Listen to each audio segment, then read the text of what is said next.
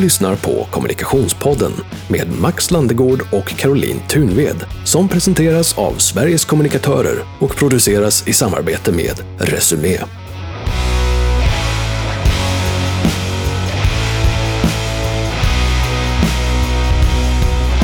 Varmt välkommen ska du vara till Kommunikationspodden med Max Landegård och Caroline Thunved. That's right. Eh, stort tack för att du som lyssnar tar dig tid att lyssna. Tycker du om det vi gör så kan du gärna eh, fortsätta följa podden på det sättet som du kan i din kanal. Eh, ge oss gärna de betygen som du tycker att vi förtjänar. Och har du tips på gäster så kan du mejla till mig, max.storstadmedia.se eller direkt till Caroline på mejladressen caroline.tuneved svkom.se. Exakt, SVKOM som står för Sveriges kommunikatörer där du är VD. Ja. Va, vad händer där just nu? Vi eh, gör jättemycket, men bland annat eh, så, eh, jag tycker väldigt mycket om att samarbeta. Jag tror på samarbete som form för, för utveckling och där har vi nu börjat samarbeta med DIK, fackförbundet DIK i eh, att ta tag, ett krafttag kring arbetsmiljöfrågan för kommunikatörer. Eh, vi har en del siffror som, som ser, man pratar om ganska höga sjuktal och samtidigt så har vi också en profession som, eh, som är viktig. Så det är en balansgång i det och samarbetet då mellan ett fackförbund och oss som inte är ett fackförbund utan en branschorganisation, eh, den är viktig. Spännande. Och är det också det som du vill prata med Johanna om när hon kommer? Ja, absolut eh, kommer vi att prata om det. Jag, jag kommer ställa frågor. Jag är nyfiken på också eh, lite mera och prata med Johanna hur hon ser på arbetsmiljön och, och varför just ett fackförbund är viktigt i Sverige idag. Det är jag också ganska nyfiken på och framförallt eh, vilka grupper hon gärna vill rekrytera. Mm. För det. finns ju all, oavsett vad man jobbar med så finns det alltid någonting som man vill bli bättre på. Mm. Så det ska bli intressant att uh, höra mer om nu när Johanna Lindell som är VD på DIK kommer in i studion.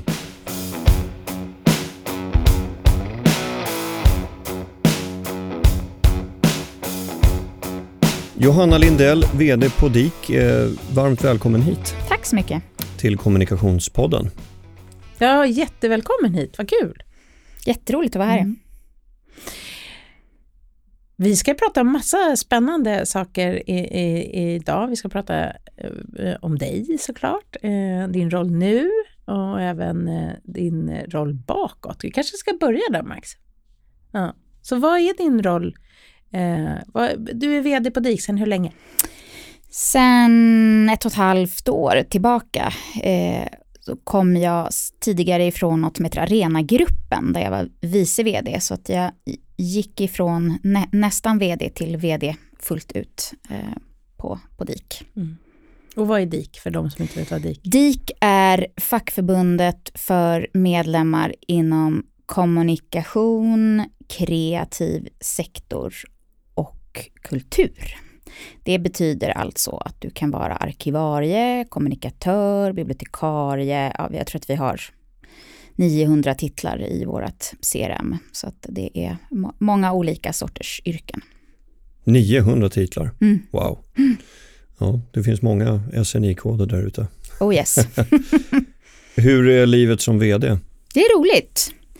Jag eh, har eh, verkligen kommit rätt, tycker jag själv. Det är vi är 1400 förtroendevalda, 30 anställda, vilket gör att det är ett ganska behändigt format. Det går att lägga en hel del tid på att vara strategiskt, men jag får också vara i i verksamheten. Så, så att det är, är det väldigt roligt. Det är fantastiskt eh, spännande yrken som våra medlemmar har och det är en, en spännande tid nu också i, i Sverige med vad som händer med kulturpolitik och sådär. Så att, eh, På vilket sätt då menar du? Att vi med stor sannolikhet kommer se förändringar av kulturpolitiken som kommer påverka våra medlemmar runt om i landets kommuner och regioner där eh, vi vet att den Ehm, eh, Sverigedemokraterna har en kulturpolitik som gör att det blir förändringar för våra medlemmar som, som, där, där är politiken är det som styr mycket kring deras arbetsvardag. Så att det är spännande tider. Hur ska man vara en bra VD? Oj, vilken fråga. Varsågod. ja, det blir ju så lätt floskler, men eh, lyssnande, mm. eh, orädd och eh, kommunikativ. Mm. Tänker jag passar bra i kommunikationspodden. Mm, verkligen. Det handlar väl säkert, jag har ingen siffra, men eh, jag tror att man skulle behöva vara kommunikativ eller jobb, liksom, ja, kommunikativt ledarskap 50% av tiden, men många är det ju säkert mycket mindre. Mm. För att, eh, man brukar säga det, när man själv är trött på att prata om strategi eller varumärke och sådär, det är då som de liksom längst ut precis börjar fatta eh, saker. Så att, mm. eh, man ska inte vara rädd för att tjata om grejer. Nej, precis. Och mm. att prata prata vision, eh, prata mål, prata vart vi är på väg eh, hela tiden. Det du säger nu är ju superspännande. Du tar upp den här kommunikativa aspekten i en, en ledarposition. Mm. För att om vi tittar fortfarande idag då på det enklaste sättet att se om vi följer det, det är platsannonser. Och nu är inte vd-rollerna speciellt ofta ute på en platsannons, men, men emellanåt ändå. Eller om man är inne i rekrytering. Och jag kan ju fortfarande bli eh, förvånad över att den kommunikativa aspekten, det, det är ju knappt så den står med i, många gånger i en kravspes. Verkligen. Det är väldigt mycket kring ekonomi fast ja. det väldigt ofta finns en ekonomichef på plats. Ja, ja. Så, så att det bor liksom utifrån aktiebolags, om det nu är ett aktiebolag, men liksom aktiebolagslagen då att eh, styrning och kontroll är mera. Eh, men hela humankapitalet, eh, alltså medarbetarkommunikationen, den tappar man liksom bort. Mm. På, på vilket sätt då menar du? Ja, men det står, den står väldigt sällan med, med i årsredovisningen? Med, nej, med som en, i en kravprofil på en bra VD. Mm, mm. Mm. Det tror jag kommer. Kanske, jag vet inte om det kommer stå i, i annonser. Det, just den annonsen som, som DIK hade var mm. ju liksom, tyckte jag, skräddarsydd för mig. Den, den beskrev ju mig. Och där såg man ju gärna att man ville ha någon med kommunikationsbakgrund. Ja. Men det är ju också för att vi företräder mm. kommunikatörer. Men, men där tror jag att eh, de som satte samman den annonsen hade förstått det. Men jag tror också att det är en liten trend på gång, där man mm. har gått från att det väldigt ofta var ingenjörer och så blev det ekonomer och så tror jag, jag tror att nästa steg är kommunika kommunikatören. Mm. Eh, så kommunikatören är nästa VD? Mm. Det är en mm. spaning. Mm. Jag har hört att det finns andra som har den spaningen Precis. men eh, jag tänker att nu säger jag det här i den här podden så kan mm. ni återvända om några år och säga att ni var först. Ja. Mm. Det var, var spännande, du sa att den, den här platsannonsen för det här jobbet var skräddarsydd för dig. Vad stod ja, det mer? Exakt. det handlade dels om att um, jobba med rekrytering eller värvning av nya medlemmar, något som jag har gjort mycket i, i mitt, mina tidigare organisationer. Det handlade om då att ha den kommunikativa kompetensen, eh, att själv ha jobbat med kommunikation på något sätt. Och sen så, vad var det mer jag stod? Ja men det var någonting om att leda genom värdering eller något sånt där som var liksom på riktigt. Det var, det, det var inte så floskligt som det ibland kan vara. Mm. Eh, och då kände jag att jag har jobbat i fackliga organisationer, jag har jobbat med opinionsbildning, eh, med att få människor att förstå vad nyttan med facket är. Stora delar av mitt liv. Så det kändes verkligen som att det, det här är jag. Du har nämnt floskler två gånger nu. Mm. Är du allergisk mot floskler? Ja, Varför då?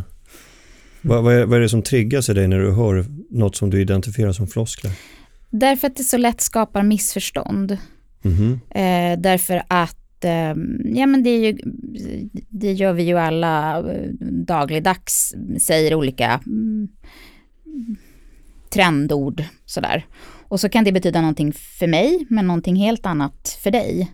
Och då blir det ju inte det blir inte någon bra kommunikation eh, om, man, om man riskerar att... Sen tror jag också att eh, ganska många med mig slår det ifrån oss för att det, det känns banalt eller ytligt. Ja, så DIK kommer aldrig skriva en formulering som till exempel hållbart ledarskap? Det kommer vi säkert.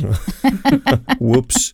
Men, men vad, vad, gör du för att eh, motverka floskelbygge? För jag kan, jag kan känna igen vad, vad du säger. Ja, jag försöker ju att inte vara inne så jättemycket i detaljer, vilket ju ibland som, som gammal kommunikatör så är, så är det ju lätt att vilja ha åsikter på texter och, och allt möjligt, men jag tror inte det, det främjar ju inte någon kreativitet. Jag försöker ju hoppas att jag ibland lyckas att i alla fall visa i, i mina texter och hur jag uttrycker mig. Eh, i vad jag tycker är god kommunikation och sen prata om hur vi ska, hur vi ska kommunicera. Um, men det, ja, ibland så kanske jag också går, går i detaljerna och, och säger att nej, men så här kan vi inte, så här kan vi inte skriva. Det finns ju något som i fackförbunden man pratar om medlemsresan, mm. eh, som jag tror även i andra organisationer, men som handlar om liksom hela vägen från att man blir intresserad till att man sen blir medlem. Och det där medlemsresan är något som folk slänger sig med hela tiden utan att ja, det är alltid vad betyder det? Liksom? Ja, men precis. Ja. Eh, mm. vad, vad, är det vi ska, vi ska fokusera på medlemsresan? Ja, men vad ska vi göra då? Vad är det vi ska förändra? Mm. Mm. Så. Mm. Ett par andra vd-frågor nu då. Intäktskällan för DIK är medlemsavgifter? Ja. Och kurser eller? Nej. Inget sånt? Nej, vi Nej. har uh, vi har en fiffig konstruktion att vi tillsammans med några andra fackförbund eh, äger något som heter akademikerförsäkring, eller Akademikertjänst som är huvudbolaget, som är som försäkringsmäklare eh, för våra medlemmars försäkringar. Det vill säga att avkastning på försäkring går tillbaks till oss. Så att där har vi en, en liten intäkt, men 98 procent av våra intäkter är medlemsavgifter. Så att det, det, är bara den här avkastningen från försäkring som är en, en intäkt. Mm.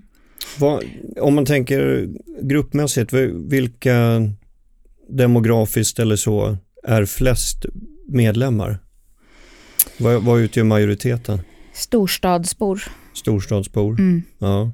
Största delen av våra grupper, därför att alla, om man ser på de som jobbar med kulturarvsfrågor så är det ju på myndigheter, de är ju i, i huvudsak i, i um, storstäderna, Stockholm, Göteborg, Malmö. Vi har också alltså flest antal som jobbar med kommunikationen då i offentlig sektor är ju i storstäderna.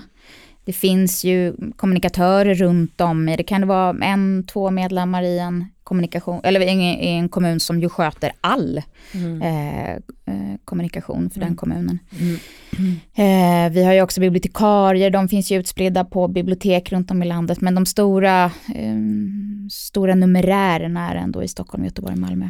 Finns det några grupper som borde vara medlemmar hos er men som inte är det? Några yrkesgrupper eller så tänker du? Fler, tänker, fler unga med. unga, mm. okej. Okay. Så vad är medelåldern idag på medlemmarna? Oh, det vet jag faktiskt inte. Men vi har, under några år har vi, har vi inte varit så bra på studentrekrytering och under pandemin så var det också som, mm. Svårare att, att, att liksom komma till studenterna. Men, men vi behöver bli fler eh, på på studenterna. Finns det ett ointresse bland unga? Eller? Det har man ju trott länge, men nu har det ganska nyligen kommit en studie som visar att det är inte ointresse, det är inte att man på något sätt vänder sig bort ifrån den kollektiva tanken, utan det handlar om att unga i högre grad inte har fast anställning. Mm. Facket har liksom inte riktigt hängt med i sin organisation kring alla som gigjobbare, eh, F-skattare, eh, ja, kombinatörer. Så, så mm. det, det, är snarare där vi behöver bli bättre. Mm. Men för, för, vilken stämpel har fackförbund i Sverige idag, skulle du säga? Tittar man på senaste eh, sån här eh, mätning, vad heter tillit tillit, va? är det man mäter, eh, och anseende, så mm. ligger vi ju ganska bra. Det är ju ofta så att eh, skandaler drar ner anseendet för alla fackförbund. Efter kommunalskandalen mm. så mm. såg man ju att det gick ner och så. Men, men som jag minns så ligger vi ganska bra. Mm. Eh, ligger ju liksom inte högst i, i topp, men, men eh, hyfsat. Mm. Jag tror att, jag tänker själv liksom med fackförbund ifrån min egen resa i livet. Så när jag, jag är fortfarande ung, men, men när jag var yngre eh, så eh, och började liksom min karriär på byrå och hela den eh, biten, då och jag var egen företagare dessutom, men då var ju allting med fackförbund och så ganska långt ifrån. Och jag fick ju också höra då från ledare, vd, att fackförbund gör sig icke här, besvär här. Alltså det var, man var lite stämplad liksom. Om man var. Mm. Varför då? Nej men att det var liksom inte Alltså nu pratar jag 90-talet, eh, bara så att vi är med i tid. Men också in, in bit i 20-talet tror jag också. Att man eh, man skulle inte komma med fackförbunds eh, liksom, grejen in i ett medarbetarsamtal. Medan jag idag verkligen kan prata med alla unga att fackförbunden är viktiga och för dig som individ så, så ska du ju verkligen på den arbetsmarknad som vi är, eh, tycker jag, ha en, en fackförbund. Och då kommer vi också osökt över på en, en, annan sak och det är ju en fin sak som, som fackförbunden jobbar med och det är kollektivavtalen. Som man ju också tycker jag har fått en liten tokig stämpel eh, av att det skulle vara någonting. Men det handlar ju om att säkra arbetsmiljö för det är min syn på det. Verkligen. Sen får man tycka vad man vill om det enskilt. Men det är min, Carolines syn på det. Mm. Eh, alltså arbetsmiljöfrågan. Mm. Och den är ju högaktuell in i det som jag företräder, Sveriges kommunikatörer och kommunikationsyrket. Så ja, det är spännande. Det finns ju många arbetsgivare också. Jag har jobbat med material riktat till gymnasieelever kring arbetsmarknaden och sådär. Och då, eh, då träffade jag många arbetsgivare som pratade om att ja, men kollektivavtalet är också, det är ju en hjälp för mig på en arbetsplats att se till att allting funkar som det ska. Mm. Och det där tror jag, jag tror att den, den, den där bilden från, från byråvärlden, den finns ju till viss del kvar också för att det finns många, man pratar om att det är liksom amerikansk företagskultur eller, eller vad det nu är på i, i byråvärlden som också rätt så ofta bygger på okunskap. Vi har ju ett eget eh, kollektivavtal, kommunikationsavtalet och många byråer där, när vi har träffat dem och pratat om det, så här, jaha, är det det som är kollektivavtal? Ja, men vad smidigt, vad praktiskt. Mm. Eh, och vi har ju ansträngt oss också för att göra ett kollektivavtal som är lite avskalat och enkelt för att det ska passa just för, för byråbranschen. Mm branschen. Så att jag tror att det kan det finnas folk som är helt emot, eh, men, men jag tror att det också är en, en okunskap för vad ett kollektivavtal faktiskt är.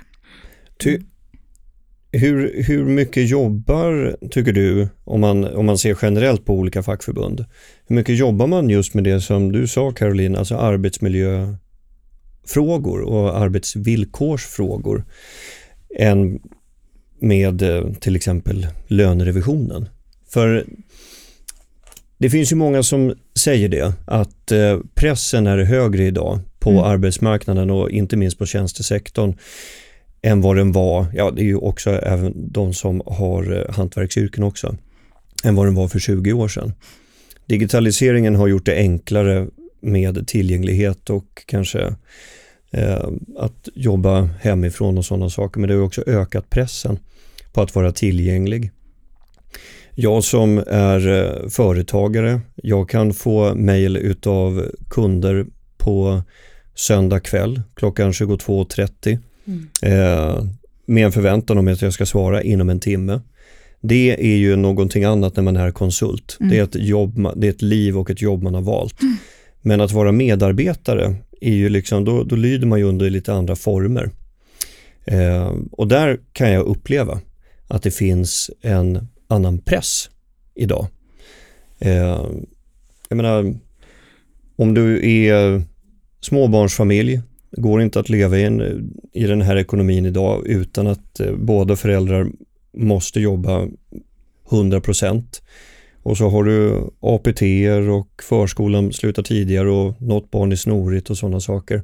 Samtidigt som du har den här ständiga liksom, förväntan på just tillgänglighet och förankringsprocesser. Och, alltså hur, hur levande är just den typen av fråga Ar hos DIK? Arbetsmiljöfrågan är ju jättecentral hos oss. Känner du igen den bilden som jag absolut, ger till dig? Absolut, och när vi, gör, när vi gör studier också bland våra medlemmar så ser vi också, det, det, finns ju en anledning att till exempel genomsnittsåldern på byråer och så är ganska låg.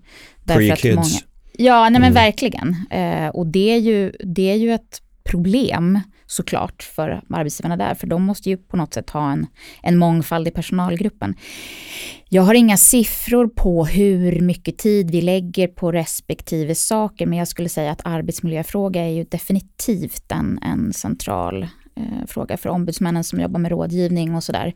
Sen ska man ju komma ihåg att en hel del av arbetsmiljöfrågorna ligger ju lokalt på arbetsplatsen så att det inte alltid vi som fackförbund kan komma in och bara liksom drämma näven i bordet och säga att nu måste ni styra upp utan det är ju också den lokala organisationen som måste i samtal mm. eh, och jobba med uppföljning och, och, ha samverkan och man har ett arbetsmiljöombud och sådär. Men det är det här som är mm. intressant eftersom du har de här tentaklerna ut mm. mot de andra lokala organisationerna mm. och representanterna som finns där som kanske Eh, i olika möten berättar om hur tillståndet ser ut i just deras organisation. Eh, hur ser eh, arbetsmiljön, arbetsvillkoren ut här och nu idag för den typen av eh, 900 yrkeskategorier som DIK representerar? Det är väldigt olika. Vi har ju massa olika yrkesgrupper, både statligt, eh, kommunalt och i privat sektor. Så jag skulle säga att det är ju väldigt olika, men om man pratar om det som kanske är centralast i den här podden, alltså för kommunikatörerna, så den här, Caroline och jag har ju pratat en hel del om det, den, kraven på rollen. Eh, det tror jag är centralt oavsett sektor och det som, som också skapar en, en stress. Hur, hur, ser kraven på rollen ut då menar du? Att, att du ska vara en allkonstnär, du ska vara strateg och producent, du ska vara expert på alla kanaler, du ska kunna eh, samtidigt hantera det där att ja, men en, en hel del kanske tycker så här, ah, men vadå, det är väl bara att göra. Eh, därför att man själv lägger upp små filmer på Facebook eller sådär. Att, att mm. liksom, eh, förut så pratade de om att all, alla är journalister, att alla kan producera. Och lite samma är det ju, mm. att alla tänker Inget själva har någonsin varit mer fel. Nej men precis. att alla är eh, journalister. Mm. Nej, och det är lika fel att alla är kommunikatörer. alla har klart, åsikter däremot. Ja, ja, alla kan lägga upp något, mm. eh, någon rolig grej på Facebook som, som snurrar. Men, men att ha hela strategin för ett företags Facebook-konto är ju såklart något helt annat. Så att den där pressen att hela tiden ja, men dels vara otillräcklig, hela tiden ha eh, en massa förväntningar på vad du ska göra. Och eh, ja, men många har ju den vardagen att man är ensam kommunikatör mm. och då inte heller har någon att bollplanka med. Du kanske har en chef som inte alls förstår vad det är du gör egentligen. Att, Nej, eh, för det, det, där, förlåt, men mm. det där tycker jag är lite intressant, alltså ur kommunikatörsrollen att uppehålla sig vid lite. För jag, jag har många vänner och bekanta tidigare kollegor inom kommunikationssektorn, det har ni också. Eh, min bild är ju just det där att eh, man är satt i en roll. Att eh, okej, okay, nu ska du ansvara för att på, utifrån en beställarfunktion göra om hemsidan till exempel. Här är byrån. Här är chefsledet som sitter på budgeten. Du är en spindel i nätet här lite grann emellan. Det är grunduppdraget. Sex månader går och plötsligt så är din mailkorg fylld utav liksom webbredaktörsärenden. Hej, ta bort det här kommatecknet. Kan du skriva det istället för dem just här? Hej du, det här citatet är lite känsligt för legal. Kan vi byta ut det? Vad händer nu? Jag var inte någon webbredaktör, jag skulle ju vara strateg. Just att, att eh, kommunikatören blir lite grann som säkerhetschefer har jag upplevt på vissa kommuner. Jag hade anledning att titta på det förut, strunt sak samma. Men de vittnade om samma sak. Att här, jag ska både hålla koll på lås och larm och så ska jag ha en övergripande strategi för vad som händer vid kris eller krig. Jag ska ha kontakt med MUST och Säpo allihopa och samtidigt så är det någon som klagar på att eh, låset tjorvar in mot källan på plan tre. Liksom. Mm. Jag, tänker, jag tänker att man ibland som kommunikatör gör sig kanske att det finns ju också en ängslighet i branschen som vi behöver hjälpas åt att eh, att få, få, bort, att liksom eh, stötta varandra och, och lyfta fram alla professionella eh, kommunikatörer som ju finns hur många som helst utav, som verkligen driver och leder förändring i vårt samhälle eh, och människor och organisationer. Så, så, men, men lite det här med att helt plötsligt en dag så fick jag ett mejl där man bad mig att ta bort det här, har nog att göra med att många kommunikatörer, vi pratade ju om i ett tidigare avsnitt med Kristina Stutterheim på Systembolaget, hon, hon nämnde ju nyf, den kommunikativa nyfikenheten. Många gånger är kommunikatörer väldigt nyfikna, kan lite och mycket, mycket om lite menar jag. Eh, och då kanske man uppfattar det så. Eh, men där behöver ju... Ja, du menar att resten av organisationen också uppfatt... ser det? Liksom, jag att... tror att en, det, det, här kan vi ju, du kan ju allting om allt. Men då måste ju gemene man vara tydlig och säga så här, tack för frågan, det här kan inte jag. Är, är det, det är så... det som jag tror vi... Men, ja. Är det så Johanna att kommunikatörer har för, för svårt att säga nej?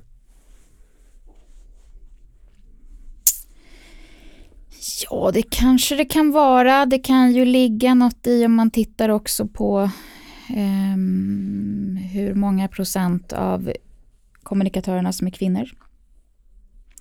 Vad menar du med det? Jag, jag säger att man könet. Pressar, alltså man pressar en kvinna mer än man pressar Nej, en man? Nej, utan man, kvinnor i, i, i högre utsträckning är, måna om att vara till lags. Ja, att de har svårare att säga nej. Så. Mm. Agreeableness. Mm. Mm. Eh, kanske, jag vet inte, nu bara tjejgissar jag lite. Men, eh, det går bra. Det är en podd. ja, men det är ju också ett, ett yrke med, med, du stannar några år, du kommer kanske inte ha jobbat så länge, du vill, du vill vara till lags, men, men det är också, ja, du tänker att det förväntas och sen det, det finns massa andra som kan ta din plats, alltså så. Um, otrygghet.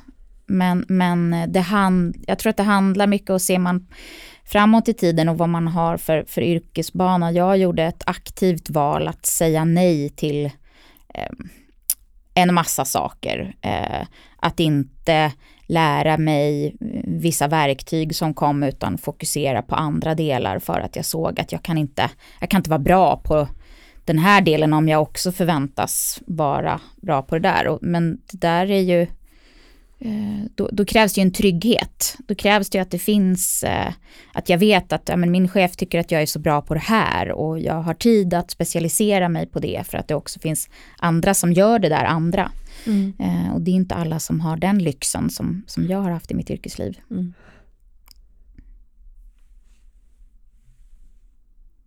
Du, du, hade ju fler frågor, Caroline. Jag, jag tänker utifrån det här sms Det podden nu inte ser, det är att Max tittar på mig och med ett frågetecken i pannan. Med uppfordrande blick. och frågetecknet åker tillbaka. Jo, det blev en sån här liten reflektionsstund. Den, jo. är ju, den tror jag ju, det här blir ett bra ämne, den tror ju jag är viktig. Alltså att vi ju kommunikatörer, det är för alla yrken såklart. Jag tror att det saknas tid för reflektion och att vi människor mår väldigt dåligt av det. Att vi inte hinner reflektera. Det ja, tror jag är en orsak till stress. Då vill jag passa på att göra lite reklam mm. för att ha bokcirklar på arbetsplatsen. Mm. Att läsa en bok, det behöver inte vara någon liksom, fakta kopplat till yrkesrollen utan det kan också vara en roman och sen reflektera tillsammans med kollegor. Och som jobbar med kommunikation så behöver du ju också förstå människor. Mm och deras agerande. Eh, och det är ju inte alltid en kommunikationsenhet är supermångfaldig. Kvinnor eh, mellan 35 och 45 mm. eh, med eh, medelklassbakgrund. Man behöver förstå hela samhället och vad är då bättre än boken? Och reflektera kring människor och deras val. Mm. Kan det också vara film? Nej. Nej. Nej, det får vara bok. Det är okay. bildningskommissarien här eller? Precis. Vilka böcker då? Mm. Vil ja, vilken men då har jag... Tre bra böcker att starta bokcirkeln med. Ja, eh, nu ska vi se vad den heter. Nu minns jag faktiskt inte. Erik Rosén, som är en fantastisk författare, har skrivit en bok som jag inte minns vad den heter.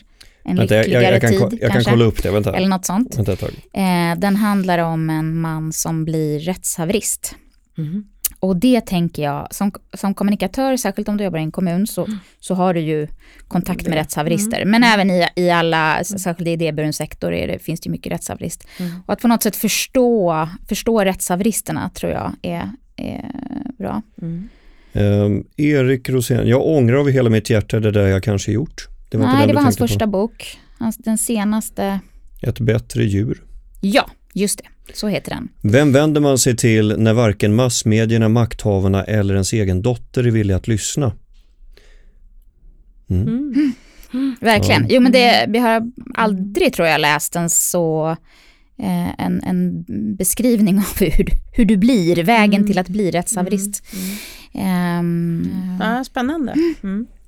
Nej men all, all reflektion är ju egentligen bra så att det går ju att gå på en film också eller en opera mm. eller vad som helst. Men boken är ju eh, praktisk mm. ändå, mm.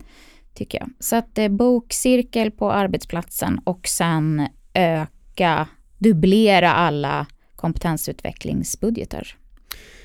Jag skulle, oh, yes. jag skulle också säga, eh, gå, gå bort från att checka in på Instagram och Facebook så ofta som du gör gå in, så här, om, man vill, om man vill ta en liten check på hur ofta man går in på Facebook så går det att se. Mm. Du kan ja, gå in hemskt. på inställningar mm. och gå ner på, ja det, det, det, får du söka upp själv du som lyssnar. Men det, det är möjligt att se hur många, hur många gånger du går in per dag. Mm.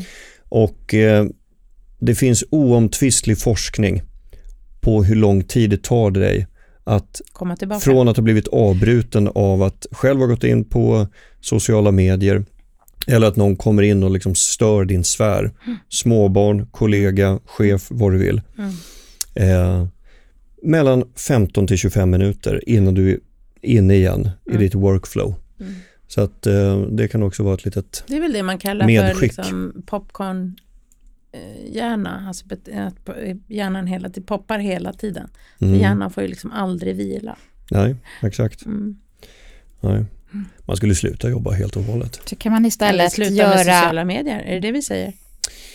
Nej, det går ju inte. Nej. Inte för någon av oss. Hur skulle det, det se ut? Om, och fortfarande kalla sig kommunikatör. Friluftsfrämjandet har ju ett begrepp som heter skogs-tv. Ja. Man går och lägger sig i skogen och tittar upp på ett träd. Ja, just det. Eh, det är ju mm. faktiskt... Den stora eh, älgvandringen är en annan, fast det är ju på tv. Just det. Exakt. Den är underbar. Ja. Skogs, jaha, för skogs-tv för mig var ju att man bara hade ettan, tvåan och mm. fyran. Mm. Men, um, Nej, det här är, här är ut liksom, i skogen eller en park eller vad som helst. Lägg dig och titta upp i mm. ett träd och uh, se vad som det, händer alltså, med hjärnan sen. Det hände ju en rolig grej igår apropå det där och allt och mm. inget och nu är vi i en podd så vi kan ju prata om det här. Det är fantastiskt. Hemma hos oss så har vi då en, en operatör eh, och då har vi haft alla kanaler på tv. Eller nej, inte alla, men liksom, väldigt många. De basala. Liksom, ja, okay. Och helt plötsligt nu så eh, är man i tvist i den här, för den här operatören. Så trean och sexan är borta. Alltså via Plays kanaler är borta. Mm. Och i min familj har vi sedan fem år tillbaka aldrig tittat på de här kanalerna. alltså aldrig. Mm. Och framförallt inte min man. Eh, och, och igår, bara sådär, då blev det nästan lite ramaskri hemma i soffan. Nämen! Är kanalerna borta. Det är väldigt intressant vad man... Eh... Men det där är ju det där är precis som eh, ekonomipristagaren i eh, ja, Nobelpristagaren i ekonomi, Daniel Kahneman. Jag tror han fick det 2002. Mm. Jag kan inte ta gift på det, men det var, det var ett tag sedan. Han, eh, han har ju skrivit en av böckerna, Att tänka snabbt och långsamt, ja, eh, handlar just om att eh, vi är mer vi är mer rädda för att bli av med 100 kronor än att eh, vi kan ha en chans att vinna 1000 kronor eller förvärva 1000 kronor. Nej, men vi, vi har ju varit inne och pratat om arbetsmiljö. Eh, och, och då såklart som vd på DIK. Hur, hur ser du och vad hör du och vad är liksom snacket som går just nu i, på arbetsplatser kring eh, den tid som vi lever i. En del säger postpandemi, men det är fortfarande mitt i beroende på var man är i världen.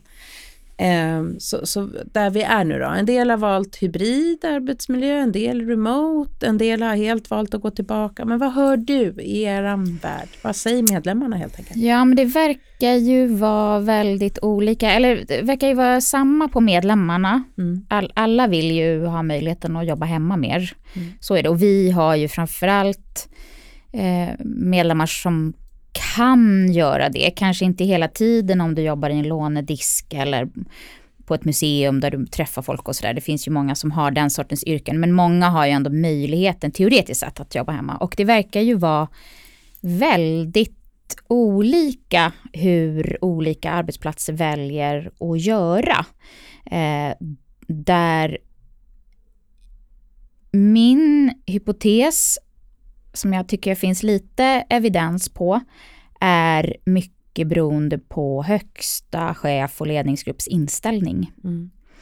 Där ju många pratar om att nej, vi har inte gjort ett tekniksprång under pandemin, vi har gjort ett tillitssprång. Mm. Att det som har hänt det är att det nu mer finns en ökad tillit till medarbetarna att oavsett var de är så gör de sitt jobb. Men på en arbetsplats där du inte har tagit det tillitssprånget så kan det finnas liksom tvingande, du inför tvingande mekanismer att komma tillbaks och du hör saker som att ja men det, det kan bara bli kreativt på kontoret. För att det här mötet ska funka måste det vara på plats. Alltså sådana där saker som någon sorts sanning. Mm. Som jag Nej, jag, jag, tror inte på det. Eh, det är klart att det finns magiska saker som händer när alla är i ett rum.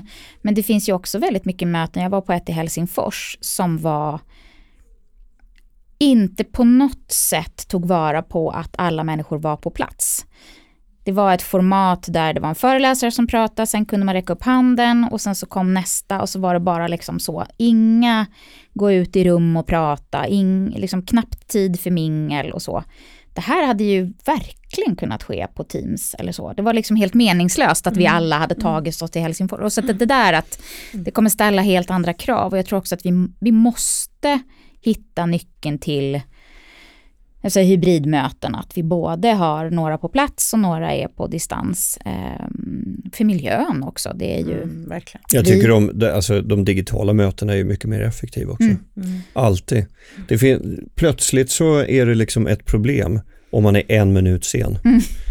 Plötsligt ser folk skillnad på 14.00 och 14.02 mm. och man ber om ursäkt. Det har det inte varit i fysiska möten nej, innan. Nej, folk, har, folk har nyttjat den akademiska kvarten mm. till döddagar. Verkligen. Eh, och eh, det har ju bara slösat med människors mm. tid. Absolut.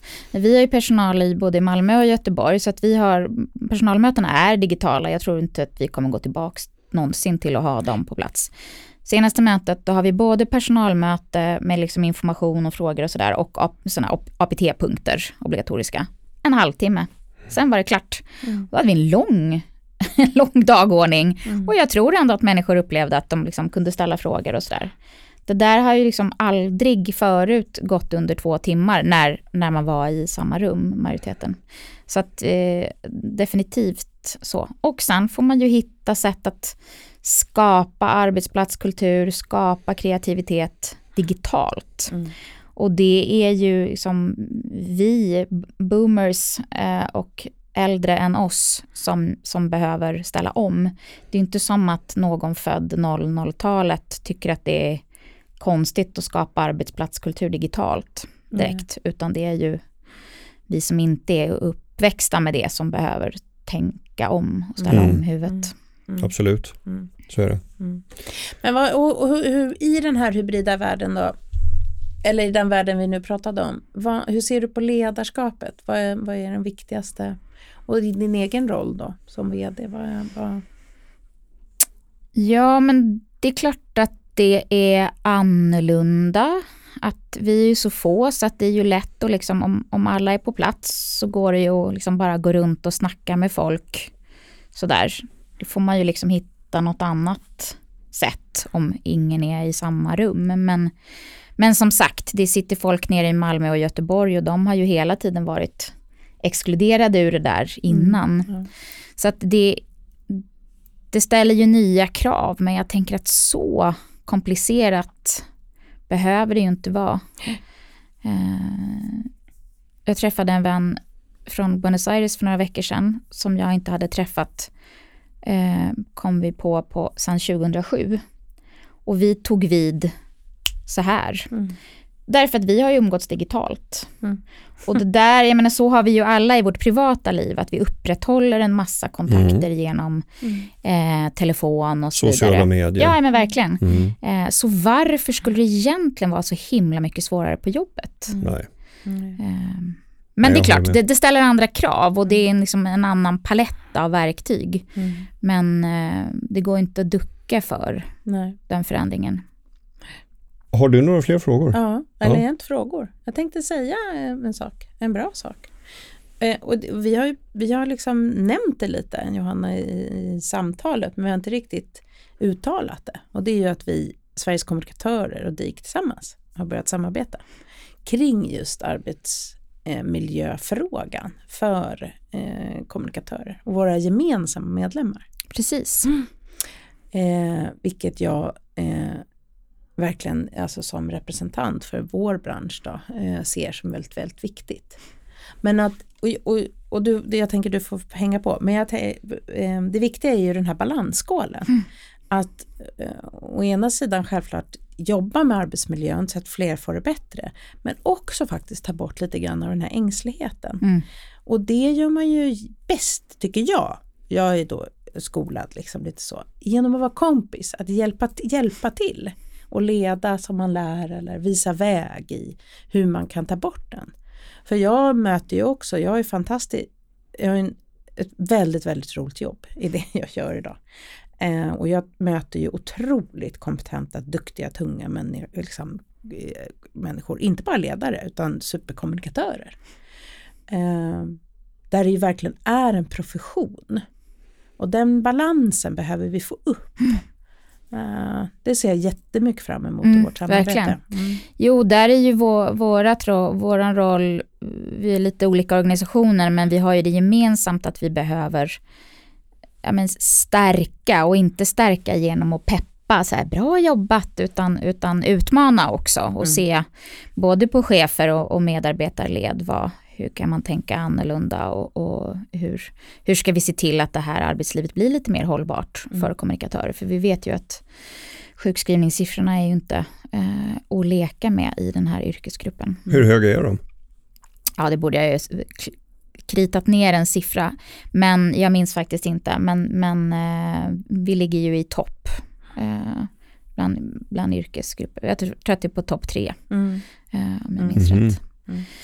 Så, så så är det. Och dels kanske också borra lite djupare i, skulle vara roligt att se någon studie som går lite liksom under de där siffrorna och gräver lite djupare, lite liksom ja, vad det faktiskt beror på. Mm. existentiellt. Ja, eh, kan det finnas någon, någon eh, könskorrelation? Va, alltså vad, mm. är det för att man är mitt i livet många? Eller, eller liksom vad, mm. mm. vad beror det på? Mm. Eh, det finns ju en massa svar mm. naturligtvis, eh, vad det beror på.